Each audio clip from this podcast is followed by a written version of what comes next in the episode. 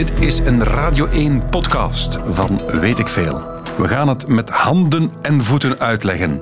Want het gaat vandaag met Ilse de Greef over onze handen. Radio 1.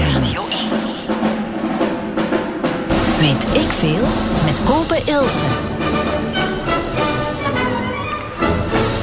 Voilà, we gaan in onze handen klappen vandaag. Zoals we dat doen op 1 januari. Met het nieuwjaarsconcert. Kom aan, hup.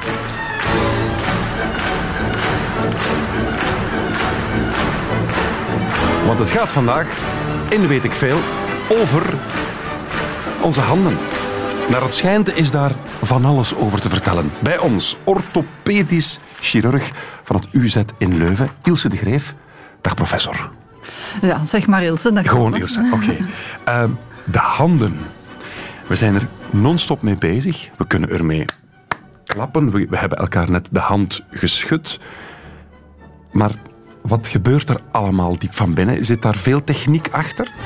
Ja, de, de hand heeft een eh, complexe anatomie. Hè. bestaat uit heel veel botjes, zenuwen, bloedvaten, Ja. pezen, spieren en de huid er nog over.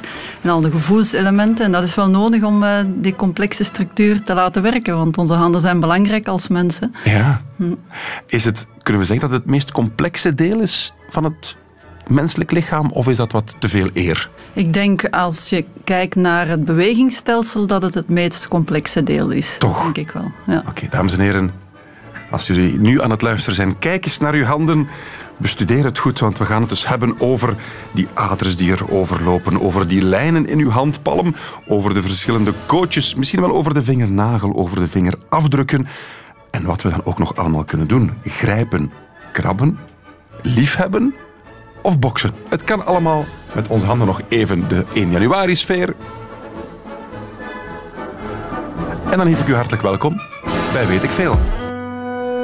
The Hand of God Vertel, gebruikt. vertel dat eens wat dat wat betekent. Dat is de titel van zijn Ja, biografie. de hand, ook, hè, God, de hand van God dus eh, wil zeggen, eh, de verwijzing die Maradona gaf naar eh, het doelpunt dat hij met de hand scoorde tegen Engeland in de kwartfinale. Ehm, hij sprong dus naar omhoog tussen twee Engelse verdedigers en eh, de doelman in. Hij klopte die bal binnen met de vuist. Iedereen had het gezien, behalve de scheidsrechter. En het doelpunt werd goedgekeurd. Zelfs in voetbal speelt een hand af en toe een hoofdrol. De hand van God is die van Maradona. Wij gaan dan gewoon naar onze eigen handen kijken, de handen van de gewone stervelingen.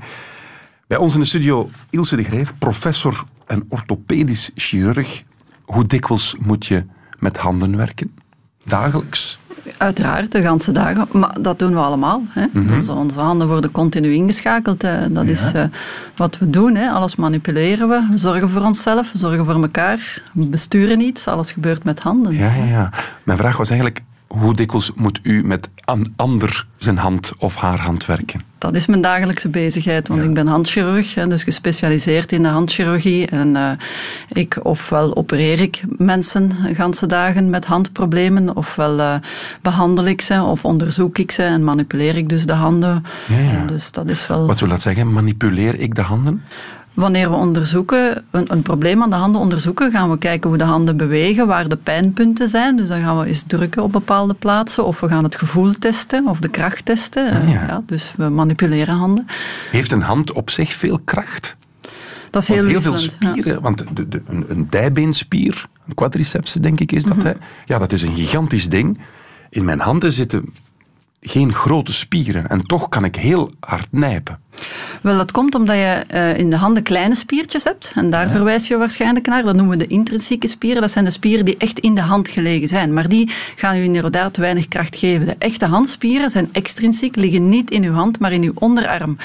En daar heb je toch al een dikkere spierbuik. En dat geeft eigenlijk grove motoriek, de beweging van de handen. We gaan eens beginnen bij het begin. We gaan eens naar onze eigen handen kijken. Ik hou ze nu voor me. Waar beginnen we, Ilse? De anatomie van onze handen. Beginnen we bij de palm? Eh, ik weet niet goed wat je bedoelt, maar waar beginnen we bij anatomie? Ja, anatomie er is veel te eh, zien, hè? Er is ja. veel te zien. Wat, Wat- wat is er allemaal? Wat we zien is de huid natuurlijk. Hè. Het eerste Ja. wat we zien is de palmhuid bijvoorbeeld. Daar zijn geen haren op. Hè. Ah, juist. Dat valt al op. Maar wel van die lijnen. Daar zijn wat handlijnen. Dat zijn de klassieke eh, plaatsen waar de huid gaat plooien. De huid is tamelijk in de handpalm tamelijk gefixeerd aan de onderliggende weefsels om dingen te kunnen vastgrijpen. Als huid heel los zou liggen, zoals op de handrug of elders op het lichaam, en je zou iets vastgrijpen, dan zou het uit je handen glippen. Ah, dus huid ja. is heel stevig gefixeerd in de palmen, op de vingers. En op sommige plaatsen plooit die dan als je dus gaat grijpen. Ah, dat is puur Ja. plooi. Dat heeft niks met mijn seksleven en zo te maken. Dat wordt wel eens gezegd. Hè? Hoe langer die lijn, hoe meer dit of hoe... hoe- nee. Van handlijnen lezen ken ik niet veel en de wetenschappelijke waarde ervan eh, betwijfel ik. Eh, maar het is wel zo dat we wat klassieke lijnen hebben. En klassiek heb je in de palm zo twee horizontale lijnen en één eh, meer verticale lijn Ah, ja, ja. rond uw duim. Dat is klassiek. En sommigen onder ons direct zien dat er maar één horizontale lijn is en die komt veel minder frequent voor en is geassocieerd bij, met sommige afwijkingen, zoals mongolisme. Ah, oké. Eh, wat eh, niet wil zeggen dat iedereen trisomie 21 heeft met een ja, horizontale handlijn. Maar dus met kortere middenhandsbeentjes waarschijnlijk. Oké, en dan- dan zie ik wat, wat, wat vrij eh, nadrukkelijk aanwezig is als je naar je handpalm kijkt, is het begin van de duim. Hè? Ja. Dat, is, dat is een soort ja, een kippenboutje precies. Hè? Wel, dat is de duimmuis. noemen De we dat. De duimmuis. En dat is een grote spiergroep. Een, Ja. Weer zo'n intrinsieke spiergroep en een kleine spieren.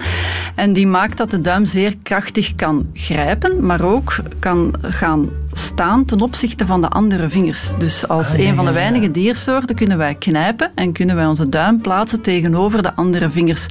En dat is dankzij die, dat kippenboutje, dankzij die spiergroep. Is dat de sterkste spier als je puur naar het hand kijkt?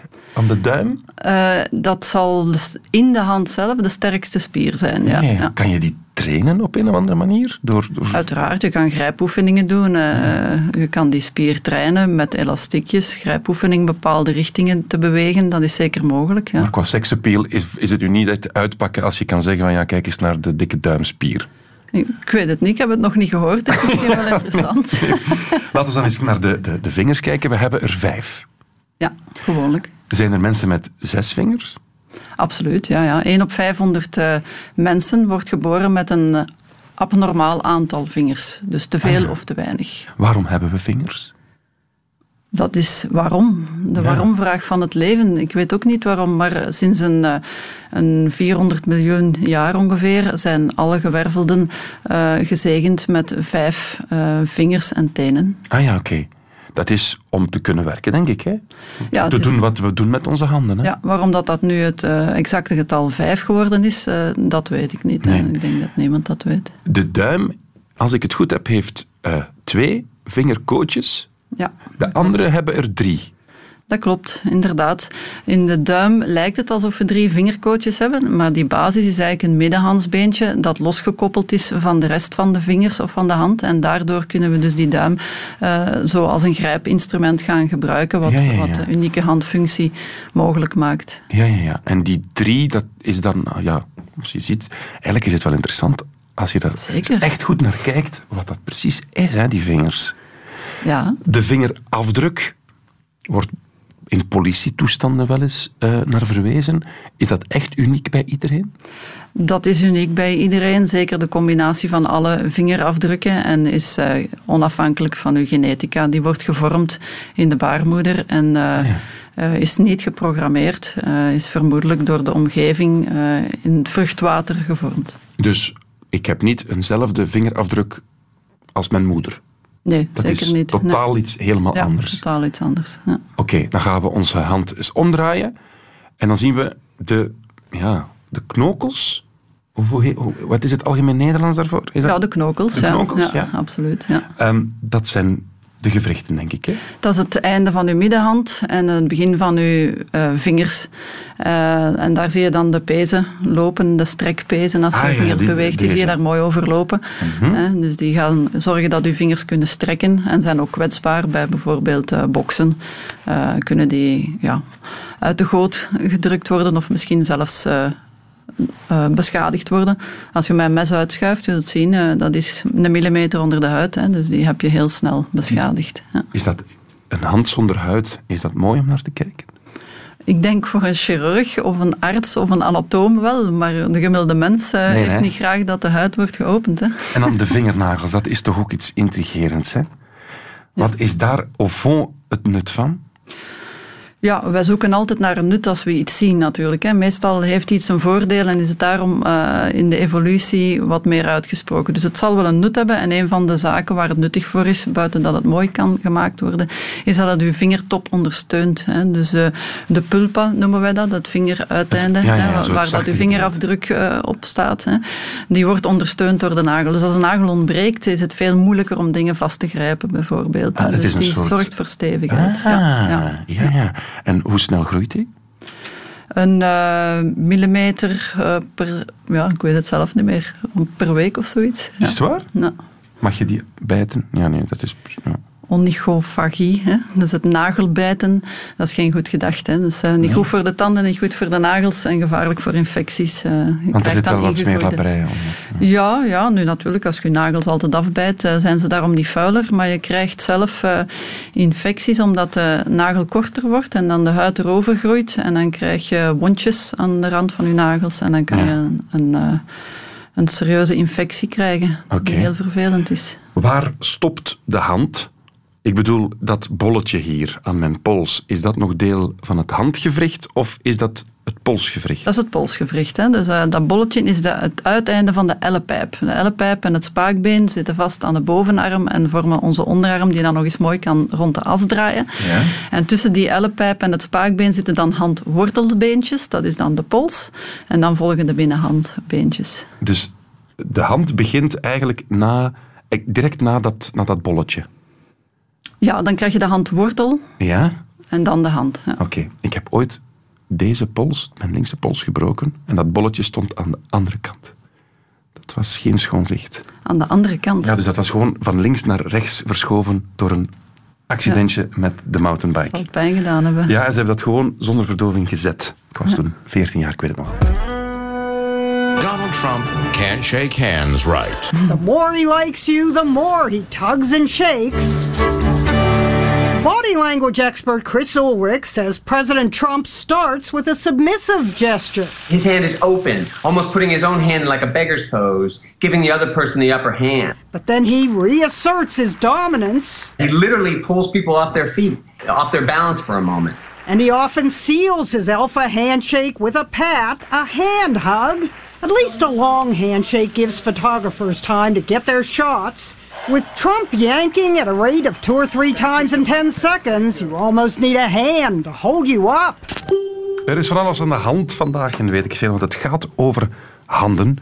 We hebben al anatomisch bekeken hoe dat precies in elkaar zit. Dat hebben we gedaan samen met professor Ilse de Greef, verbonden aan het UZ Leuven, orthopedisch chirurg is ze daar. Ja, het is veel meer dan enkel... Is het een orgaan eigenlijk, de, de handen? Hoe, hoe moet je dat noemen? Is dat... Nee, nee. Dat is je geen kan dat een orgaan noemen. Ja? Het is een, een deel van het menselijk bewegingsstelsel. Ja. Voilà, een deel van het mensen waarmee je ook, zoals Trump, heel specifiek handen kan geven. Dus het zegt ook iets over hoe we communiceren. Het zegt ook iets over wie we als mens zijn. Want als iemand zijn of haar nagels mooi heeft ja, laten... eh, wat is het allemaal? Bewerken. Dan, dat zegt ook iets over de mens. Dus het is veel meer dan enkel een gebruiksinstrument. Jij bent handchirurg, beste Ilse. Wat wil dat eigenlijk zeggen? Wat, wat krijg je het meeste op je chirurgentafel? Eh, als handchirurg heb ik mij gespecialiseerd in de behandeling eh, en voornamelijk de operatieve behandeling hè, van handproblemen. Dus dat kan gaan van ongelukken, hè, mensen die via de spoedgevallen binnenkomen omdat Ja. er een vinger geamputeerd is. Of eh, dat kan gaan van eh, problemen zoals tintelingen in de vingers, waarbij een zenuw ingekneld is, het bekende carpal-tunnelsyndroom.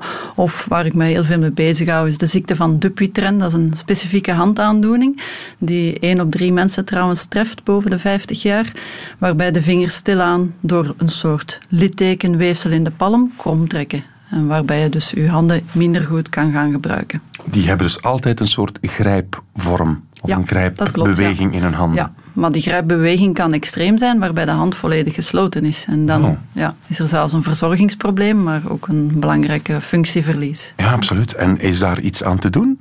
Er is veel aan te doen, behalve genezen. We kunnen het vandaag nog niet genezen, de ziekte van Dupuytren. En uh, daar doen we dus veel onderzoek naar. En we proberen alle mogelijke behandelvormen zo goed mogelijk op de patiënt uh, toe te passen, zoals de patiënt ook zelf uh, ja. vraagt. Om... Dat is iets wat je kan... Dat is een soort ziektebeeld dat je ja. overkomt.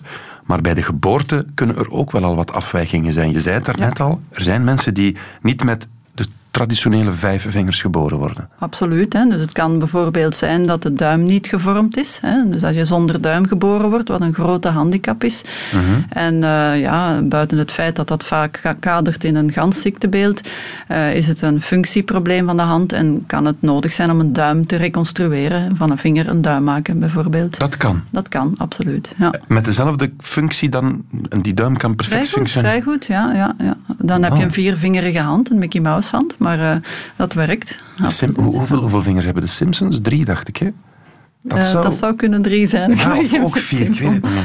Ze zijn geel, dat weet ik. Als je nu moet kiezen, welke vinger zou u afstaan? De wijsvinger, zonder twijfel. De wijsvinger? Absoluut, die kan je perfect missen. Ja. Nochtans, daar dat lijkt mij een heel nuttig ding. Daar wijs je mee. Daar, Inderdaad, daar, dat is ook typ, zo. Typ je daar? Nee, je typt met alle vingers. Ja, ja. maar de, alle vingers zijn nuttig en zeker ook de wijsvinger. En uh, de pink is bijvoorbeeld minder ontwikkeld dan die wijsvinger. Maar het voordeel van de wijsvinger is dat die kan vervangen worden door de middenvinger. De middenvinger neemt onmiddellijk de functie van de wijsvinger over als er schade aan is. Uh, de pink is veel moeilijker te vervangen, omdat de pink belangrijk is in grijpbewegingen, in krachtige grijpbewegingen, Ah, ja, en je mist die veel meer. Dus uh, de meeste chirurgen zullen onmiddellijk antwoorden wijsvinger. Dus als je ooit voor de keuze staat, je moet een vinger afstaan. Twijfel niet. De wijsvinger. Ja. Um, oligodactylie. dat zijn, dat, dan word je geboren met te weinig Te weinig vingers. vingers, bijvoorbeeld. Dus die duim die afwezig is, dat is het meest frequente. En dan polydactylie, dan word je geboren met te veel. Dan heb je er een beetje te veel. Ja, en, En dat hoe- is vaker aan de pinkzijde, maar je kan ook een dubbele duim hebben, bijvoorbeeld. Of je kan een spiegelhand hebben, waarbij je geen duim hebt, maar tien vingers, bijvoorbeeld. Dan kan Heb je dat al gezien? Ja, dat is een zeldzaam iets, maar uh, dat is zeker iets dat we zien in de handpraktijk. Ja. Iemand die geboren wordt met aan elke hand tien vingers. Dat is nu wel heel veel. Je kan ook uh, gemengde afwijkingen hebben. Hè. Een korte vinger en nog een halve vinger erbij. Dus je kan een heel complexe afwijking hebben in de handen ook. Hè. Meest frequent is één vinger te veel natuurlijk. Hè. Wat ik fascinerend vind, ik, ik, ik heb het gelezen, dat er sommigen met een soort zwemvliezen tussen de vingers geboren worden ook. Ja, syndactylie noemen we dat. Dus uh, je hebt eigenlijk twee soorten. Syndactylie is eigenlijk vingers die volledig aan elkaar gebleven zijn. Want in feite, in, als embryo hebben we lepelhandjes. Ah, ja. En dan ga je een soort celsterfte krijgen tussen de stralen van de vingers en dan worden de vingers gevormd. En als die celsterfte niet normaal verloopt, dan krijg je dus syndactylie, vingers die aan elkaar zitten. En dan heb je inderdaad een soort zwemvliezensyndroom, wat meestal uh, kadert in andere beelden. En dan hebben ze inderdaad die, die webjes, wat wij noemen, tussen de vingers die dus langer zijn. Is dat niet handig bij het zwemmen? Ja, ik denk aan, als je het zo mag noemen, zwemvliezensyndroom. Daar Ja. doe je niks aan. De syndactylies worden behandeld. Ah ja, oké. En dan is er ook nog, ja, het blijft maar komen, die moeilijke woorden. Hè. Arachnodactylie. Arach zit daarin, dat is de spin. Ja. Mensen met een soort spinhand. Ja, wat on- opzoekwerk gedaan. Hè. Dus, Ja, ja, ja. ja. dat zijn we bereiden die- ons voor. Hè. Ja, dat zijn zo lange, tengere vingers, uh, waarbij dus de kootjes veel smaller zijn dan normaal. En dat kadert vaak in uh, syndromen waarbij je wat wij noemen leptosomen-types hebt. Dus mensen die zelf zeer slank uh, en mager zijn. En dat is vaak een syndroom, zoals een Marfan-syndroom bijvoorbeeld. Ah, ja. Dus, ja. Ik ken Pieter Timmers een beetje, de zwemmer. En die heeft ook een bepaalde ik denk dat eerder iets met zijn gewrichten is, waardoor hij veel flexibeler is in, uh, in zijn gewrichten. Waardoor hij dus enorm goed kan zwemmen. We zien bij zwemmers vaak uh, dat het leptosomen-type zijn. Hè? Van die lange mensen die dan ook het probleem hebben uh, dat de longen gemakkelijker loskomen, alleen de longvliezen gemakkelijker loskomen en dat ze gemakkelijker een klaplong doen. Hè? En die hebben Ah, dus ook vaak lange, tengere vingers. Ja, dat is zo'n een type. Uh, Waardoor je natuurlijk veel makkelijker kan zwemmen, want je, je lepel, Mm. om, om het dan zo te noemen, is, is veel groter dan bij andere mensen. Ik veronderstel als je groter bent en grotere handen hebt, dat het zwemmen wel sneller kan gaan. Nadeel is natuurlijk ook dat je meer gewicht hebt, maar in het water is dat misschien een klein nadeel. Voilà. Dan heb je natuurlijk ook de dingen die je kunnen overkomen tijdens het leven. Mhm. Ik denk aan, je zei het er net al, een vinger die je verliest. Ja. Is er nog hoop als je die vinger dan meebrengt naar het ziekenhuis en zegt, naai hem er maar gewoon terug aan? Er is altijd hoop en het is zeker nuttig om je vinger mee te brengen. En wanneer die eh, geamputeerd is, liefst in een zakje op ijswater, niet in uw mond of zo. Um, niet in de mond? Nee, het zijn mensen die dat in hun mond brengen. Dat moet vreselijk smaken. Maar het is ook niet zo goed voor de vinger, dus ik zou dat niet doen. Dus gewoon in een, in een plastic zak? In gewoon meebrengen, dat is alle basis. En liefst in een plastic zak op ijswater, maar gewoon meebrengen is de basis. En het is niet zo dat we elke vinger gaan reimplanteren. Het is, we kunnen dat misschien wel heel vaak hè, met de microscoop. Maar uh, we moeten altijd kijken naar het eindresultaat. En als je één vinger op een bepaalde manier reimplanteert, kan het zijn dat die vinger een last wordt. En dan gaan we dat dus voorstellen om dat niet te doen. En dat is soms moeilijk. Hoe dus een last wordt dat hij niet meer functioneert? Ja, een, een, vinger die geamputeerd is, heeft zijn gevoel verloren. Daar begint het al mee. Hè. Dus uh, dat gevoel recupereert enkel bij jonge mensen en als je een goede zenuwreconstructie kan doen. Tweede zaak is, zijn er gewrichten beschadigd? Zijn de, de pezen zijn beschadigd? Als die geamputeerd is, is alles beschadigd. En dan moet je eigenlijk kijken naar de prognose. Wat gaat het gevolg zijn als we dat reimplanteren? Hoe lang duurt de revalidatie en wat is het te verwachten eindresultaat? Want wat bedoel je met reimplanteren? Dat is dus de botten terug, aan elkaar zetten, maar ook de spieren met de botten, Je begint met de botten, dan met de pezen of eventueel spieren en dan ga je de zenuwen en uiteraard de bloedvaten uh, ah, implanteren. Anders dan sterft de vinger af binnen de 12 uur. Ja. Ah, dat wou ik net vragen. Wat is het tijdsframe? Voor vingers heb je veel tijd, tot, tot 12 uur. Maar hoe sneller, hoe beter uiteraard. Dus het is een urgentie. Ja. Want ja, zo'n af, zo'n af, een vinger die af is, wordt die niet zwart? Absoluut, ja. Maar een vinger uh, kan het wat verdragen, zeker als die gekoeld is, om wat langer uh, zonder zuurstof te zitten. Oké. Okay. Um, ehm, totale amputaties, mm -hmm. is een mens dan totaal verloren ook? Want... Dus als, de hand volledig, eh, als een hand volledig geamputeerd is, dan reimplanteren we hem in principe altijd natuurlijk. Hè. Mm -hmm. Maar stel dat dat op een of andere manier niet zou lukken en je hebt geen hand meer, ja, dan is het een grote handicap.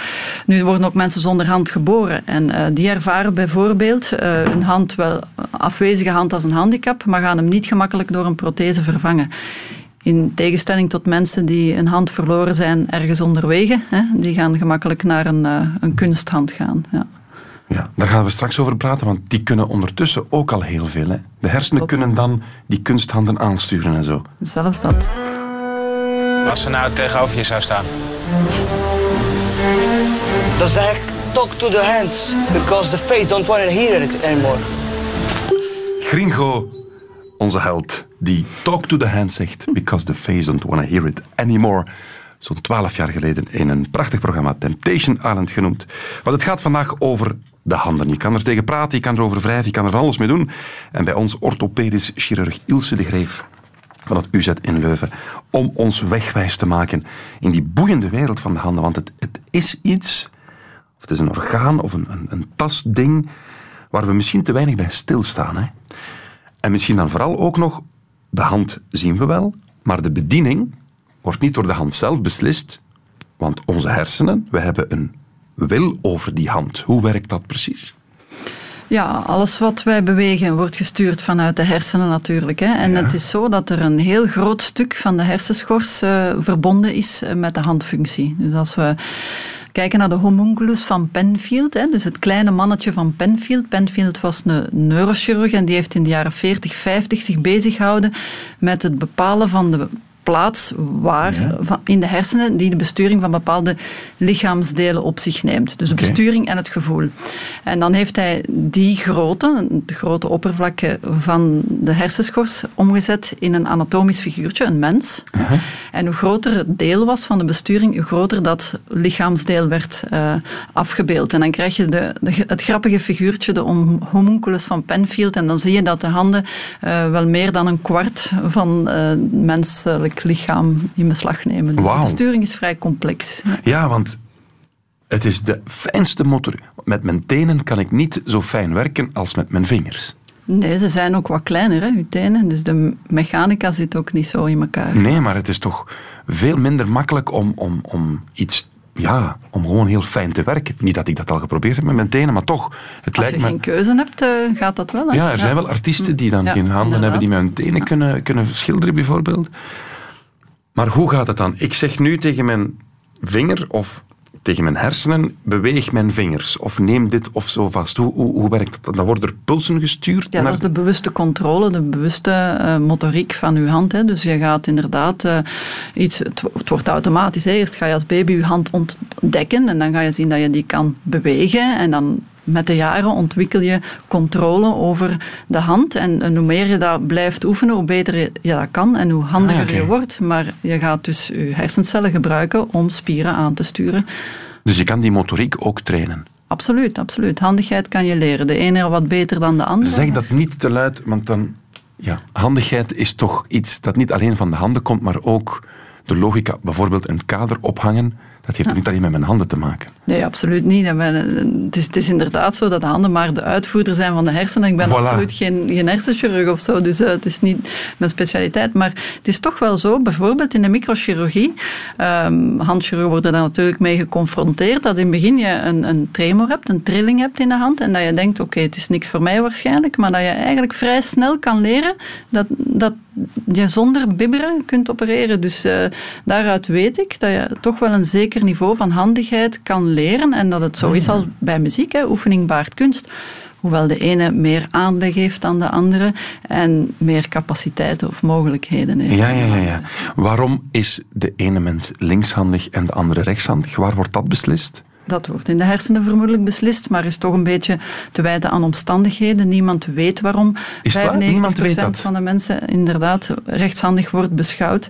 Um, we weten zelfs niet of genetica daar een rol in speelt, maar het is zo dat per conventie alles rechtshandig doen en dat er daarom veel meer zogezegd rechtshandigen zijn dan linkshandigen. Als je maar één hand hebt of je hebt een hand die beter is dan de andere, zal dat je voorkeurshand zijn. Dus maar wanneer wordt dat, als, is een baby al links- of rechtshandig? Wordt het daar al bepaald of niet? Dat weet ik niet, dat, uh, daar, daar is discussie over. Ah, ja, um, maar het is wel zo dat als je geboren wordt met één hand die onderontwikkeld is, dat je automatisch uh, bijvoorbeeld links zal schrijven als dat je beste hand is. En stel, ik ben rechtshandig Stel nu dat ik morgen mijn rechterhand verlies, ga ik dan na verloop van tijd met mijn linkshand exact hetzelfde kunnen als wat ik nu met mijn rechtskant schrijven, de fijne motoriek? Je zal een uh, gelijkaardig niveau kunnen halen. Als je blijft oefenen. Hoe jonger je bent, hoe gemakkelijker je, je dat kan. Hoe plastischer je hersenen. Maar uh, in feite zien we toch dat iedereen het leert zeer handig te zijn met één hand als je de keuze niet hebt. Ja. Dus, ah ja, oké. Het is eigenlijk een kwestie van oefening dan. Ja, zoals ik zeg, handigheid kan je toch wel leren. Ah, interessant. Het ging daarnet al even over, over stel dat we een kunsthand hebben. Mhm. Ook dat kan je tegenwoordig al linken aan de hersenen. Ja. Dus we weten perfect, de beweging van de linkerpink wordt gestuurd door dat stukje in hersenen. Mhm. Dus als we dat kunnen opvangen en programmeren, dan dat, dat kan. Dat kan, maar is nog wat experimenteel. Hè. We hebben de, qua protheses hebben we de esthetische prothese, hè, om er mooi uit te zien. We hebben de functieprothese, die ofwel mechanisch zijn, doordat je iets beweegt, gaat die iets grijpen, of gestuurd zijn door de spieren. Dat is de meest gebruikte nuttige prothese. Dus dat is eigenlijk de spierstimulus. Jij gaat nog altijd van je hersenen een signaal geven naar je spier. Je spier trekt samen en daardoor gaat die kunsthand samentrekken. Maar men is inderdaad aan het experimenteren met hersengestuurde prothese. En men heeft zelfs recent een, een experiment gedaan om te kijken of je drie handen kan besturen. Dus bij mensen met twee handen, een derde hand. Uh, nee. En dat blijkt te werken. Dus er zijn toekomstmogelijkheden. Echt waar? Ja. En waar bevindt die, recht, eh, die derde hand Dat weet ik niet. Zo goed ken ik de studie niet. Maar die werd gewoon ja, als, tweede arm, als derde arm eigenlijk eh, aan je lichaam geplaatst. En, en op je hersenen uh, gekeken of je dus drie handen tegelijk kan besturen. Dus of je driehandig iets kan manipuleren. En dat ging. Wauw. Dus er is uh, toekomst. We kunnen misschien naar drie handen gaan. Maar ja, Upgraden. Het, het zou wel praktisch Stel dat je twee kinderen hebt en, en, en dat is, ja, maar ja, je kan, je kan of drie kinderen tegelijkertijd. Als chirurg. Als chirurg. Ja. Daar dromen wij van. We hebben altijd een hand tekort. Ja, ja. Ja, ja. Moet je als chirurg een vaste hand hebben? Je zei net al, je kan dat trainen. Maar toch, ik neem aan dat jullie op de millimeter, zelfs de, de nanometer, soms nauwkeurig moeten zitten? Absoluut. Het is absoluut nodig om een zeer vaste hand te hebben. En anders dan kan je geen chirurg worden of blijven. Hè. Dus ik ken ook eh, handchirurgen internationaal die op een zeker moment beslist hebben om bijvoorbeeld in de wetenschap verder te gaan, omdat ze een, een, een tremor, dus een trilling, ontwikkelden. En, en zouden die handprothesen, waar het net over ging, ooit de functie van, van de echte hand kunnen overnemen? Nog fijner Nee, wat we wel hebben is nu de robotchirurgie en die uh, filtert uw trilling weg. Dus daar ga je grote bewegingen maken. En in de praktijk ga je dus zeer fijne bewegingen maken. Dus in die zin, bij robotchirurgie kan je je trilling wel eh, onderdrukken. Dus eigenlijk heeft een chirurg zijn handen vandaag al niet meer nodig. Jawel, want je moet de robot besturen. Ah ja, maar dat kan dan eventueel ook met grote bewegingen. Met grote bewegingen, maar nog altijd met je handen. Met je voeten is het nog niet geprobeerd. Je moet het ook niet op mij uitproberen. Dat is goed. Koning Leopold II had een droom. Hij zou het kleine België een kolonie bezorgen. Hij zou er de slavenhandel bestrijden en er de westerse beschaving brengen. Maar wegens een dreigend faillissement moesten die nobele plannen al snel wijken voor meer rendabele. Leopolds zwarte onderdanen werden verplicht rubber te tappen. Wie niet wilde, werd een hand afgehakt. De agenten van de staat en van de rubbermaatschappij maakten zich op grote schaal schuldig aan moordpartijen. Minder fraaie periode in onze Belgische geschiedenis, maar ook dat heeft dus een link met handen. Het thema van vandaag in Weet ik Veel. Bij mij zit orthopedisch chirurg Ilse de Greef, dokter Ilse de Greef, professor Ilse de Greef, moet ik eigenlijk zeggen. Ja, in der tijd werden de handen afgehakt. Nog altijd, jammer genoeg, overal ter wereld. Sommige mensen komen dat ook aan u vragen. Dat vind ik zeer, zeer, zeer fascinerend. Hoe komt dat dan? Dat is zeer uitzonderlijk natuurlijk. Hè. Dus wanneer die vraag zich stelt, is het uh, meestal het einde van een lijdensweg waarbij een patiënt de handfunctie verloren heeft door bijvoorbeeld een ontzenuwing. Hè. Dat kan dus dat de arm ontzenuwd is en, en, niet meer bruikbaar is en eerder als een last wordt ervaren. Mm -hmm. Wat ook kan is dat de hand zeer pijnlijk is. En dat is heel controversieel om dan naar een amputatie te gaan. Uh, maar de vraag moet natuurlijk volledig van de patiënt komen. En dan bestaat er nog iets als een wish for amputation, wat een uh, psychiatrische aandoening is. Maar dat is uh, nog zeldzamer. Dus mensen komen tot bij u omdat ze geen, geen fantoompijn, want de hand is nog niet afgezet. De hand is er nog altijd, ja. maar doet zoveel pijn dat ze hem liever kwijt aan rijk zijn. Ja. Wat op zich geen, geen goede reden is om een hand uh, te amputeren, want je zei het al, dan krijg je fantoompijn. Ja. Fantoompijn is echte pijn waar je niks aan kan doen. Wel medicatie geven, maar uh, je kan niet krabben of je kan daar niks meer aan doen. Die hand is weg. Maar het gaat om pijn door manipulatie. Bijvoorbeeld een hand die als een vuist samengedrukt is, die begint te stinken, die begint een verzorgingsprobleem te geven. En, dan kan, en, en, en andere operaties slagen niet. Dan kan het zijn dat de patiënt specifiek vraagt voor een amputatie. Heel moeilijk probleem. Ik kan me voorstellen dat dat, wat u net zegt, dat dat als chirurg ook niet zo evident is om te zeggen, ah ja, dan zetten we het wel even af. Nee, en zeker niet als handchirurg waar je dagelijks bezig bent om handen te redden, is dat zeer moeilijk. Maar is het natuurlijk ook een verantwoordelijkheid die wij soms moeten nemen, uh, omdat het ook al geweten is dat patiënten anders zelf het heft in handen nemen. En dat is veel dramatischer. Ja. Mensen die zo wanhopig zijn, die zelf een hand afhakken. Absoluut, ja. Wow, mm. heavy zo'n amputatie is dat... Ik heb toevallig gisteren de film Master and Commander gezien en daar werd ook een amputatie gedaan. Ja, dat was echt met, met de zaag. -hmm. Is dat letterlijk... Moet je een guillotine-amputatie. Hè? Dus als het snel moet gaan in oorlogssituaties of uh, door, uh, bij zware infecties, dan gaan we gewoon dwars uh, het lidmaat wegnemen, hè, hand of been. Dat is om echt nadien een, een, dan... een, zaag, een zaagactie um, of eerder echt een kapactie? Ja, wel de weken delen in een bewoonde wereld, hè, in een ontwikkelde wereld, die worden met het mes proper doorgenomen en het bot wordt doorgezaagd. Ja. ja zo'n eerste keer dat je dat doet, dat moet toch iets doen met een mens? Nee? Chirurgie is iets dat je leert met de jaren. Ja. De eerste keer in iemand snijden, dat, dat weet je nog goed. Maar en uh, iets, iets, amputeren. Iets amputeren, is, dat ja, moet toch ja. iets heel dat moet toch raar doen met, met u? Ja, nee? ja. Waarschijnlijk wel, ja, dat is zo. Maar dat is altijd in een omstandigheid waar dat je iemand helpt. Mm. Dus het gaat om het helpen van iemand. De eerste amputaties zijn gewoonlijk bij gangreenpatiënten hè, in uw opleiding. Dus mensen, meestal zijn dat uh, voeten uh, bij mensen met zware diabetes of uh, Ja, andere ja, ja. aandoeningen. En dan weet je dat je die persoon helpt, want die is in levensgevaar. Nog even over die fantoompijn, want dat intrigeert mij mateloos. Hoe kan dat, dat iets wat er niet is toch pijn geeft? Uw, bekabeling is doorgesneden. Uw zenuwen van uw hersenen uh, naar uw hand of omgekeerd, van uw hand naar uw hersenen zijn doorgesneden. Dus dat uiteinde blijft signalen geven en foute signalen. Eh, kwetsuursignalen. Ja. En dus eh, fantoompijn is wel, wel degelijk echte pijn. Hè. Het is niet alleen het fantoomgevoel van een lidmaat dat er niet meer is, maar het is een effectieve pijn. En dat is het moeilijke van zoiets. En daarom hebben we pijnspecialisten die zich daar echt mee bezighouden en weten hoe dramatisch dit verloopt. En mij ook altijd waarschuwen en de patiënt eh, Ja, ja. bij een amputatie, zeer terecht. Want je zou denken, het is weg. Die zenuwen die die pijnreflex kunnen geven, zijn, er- zijn er ook niet meer. Maar De zenuwen zijn er wel, hè. Dus het, het, die het stuk, overblijven ja, dan. Het Ja, stuk ja, naar je hersenen is er nog, hè. Dus je gaat dat niet helemaal verwijderen, hè. Ja. heavy, heavy, heavy. Straks, ik zie dat u al wat vragen heeft genoteerd.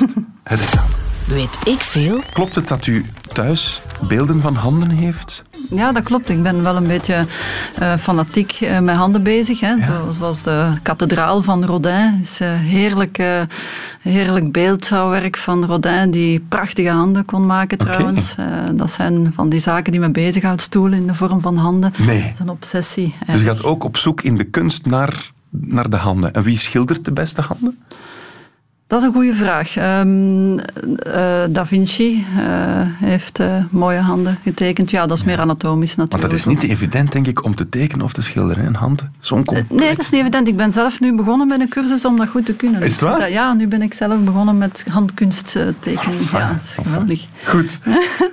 Daar, dan moet u nog eens terugkomen volgend jaar. Puur over tekenen van handen. Want, Ja, we, gaan, we gaan nu wel quizzen. Heb ik goed geluisterd? Vraag 1. Eh, ik heb een voorbeeld gegeven waar één horizontale handlijn aanwezig is in plaats van twee. Dat is bij mensen met het syndroom van Down.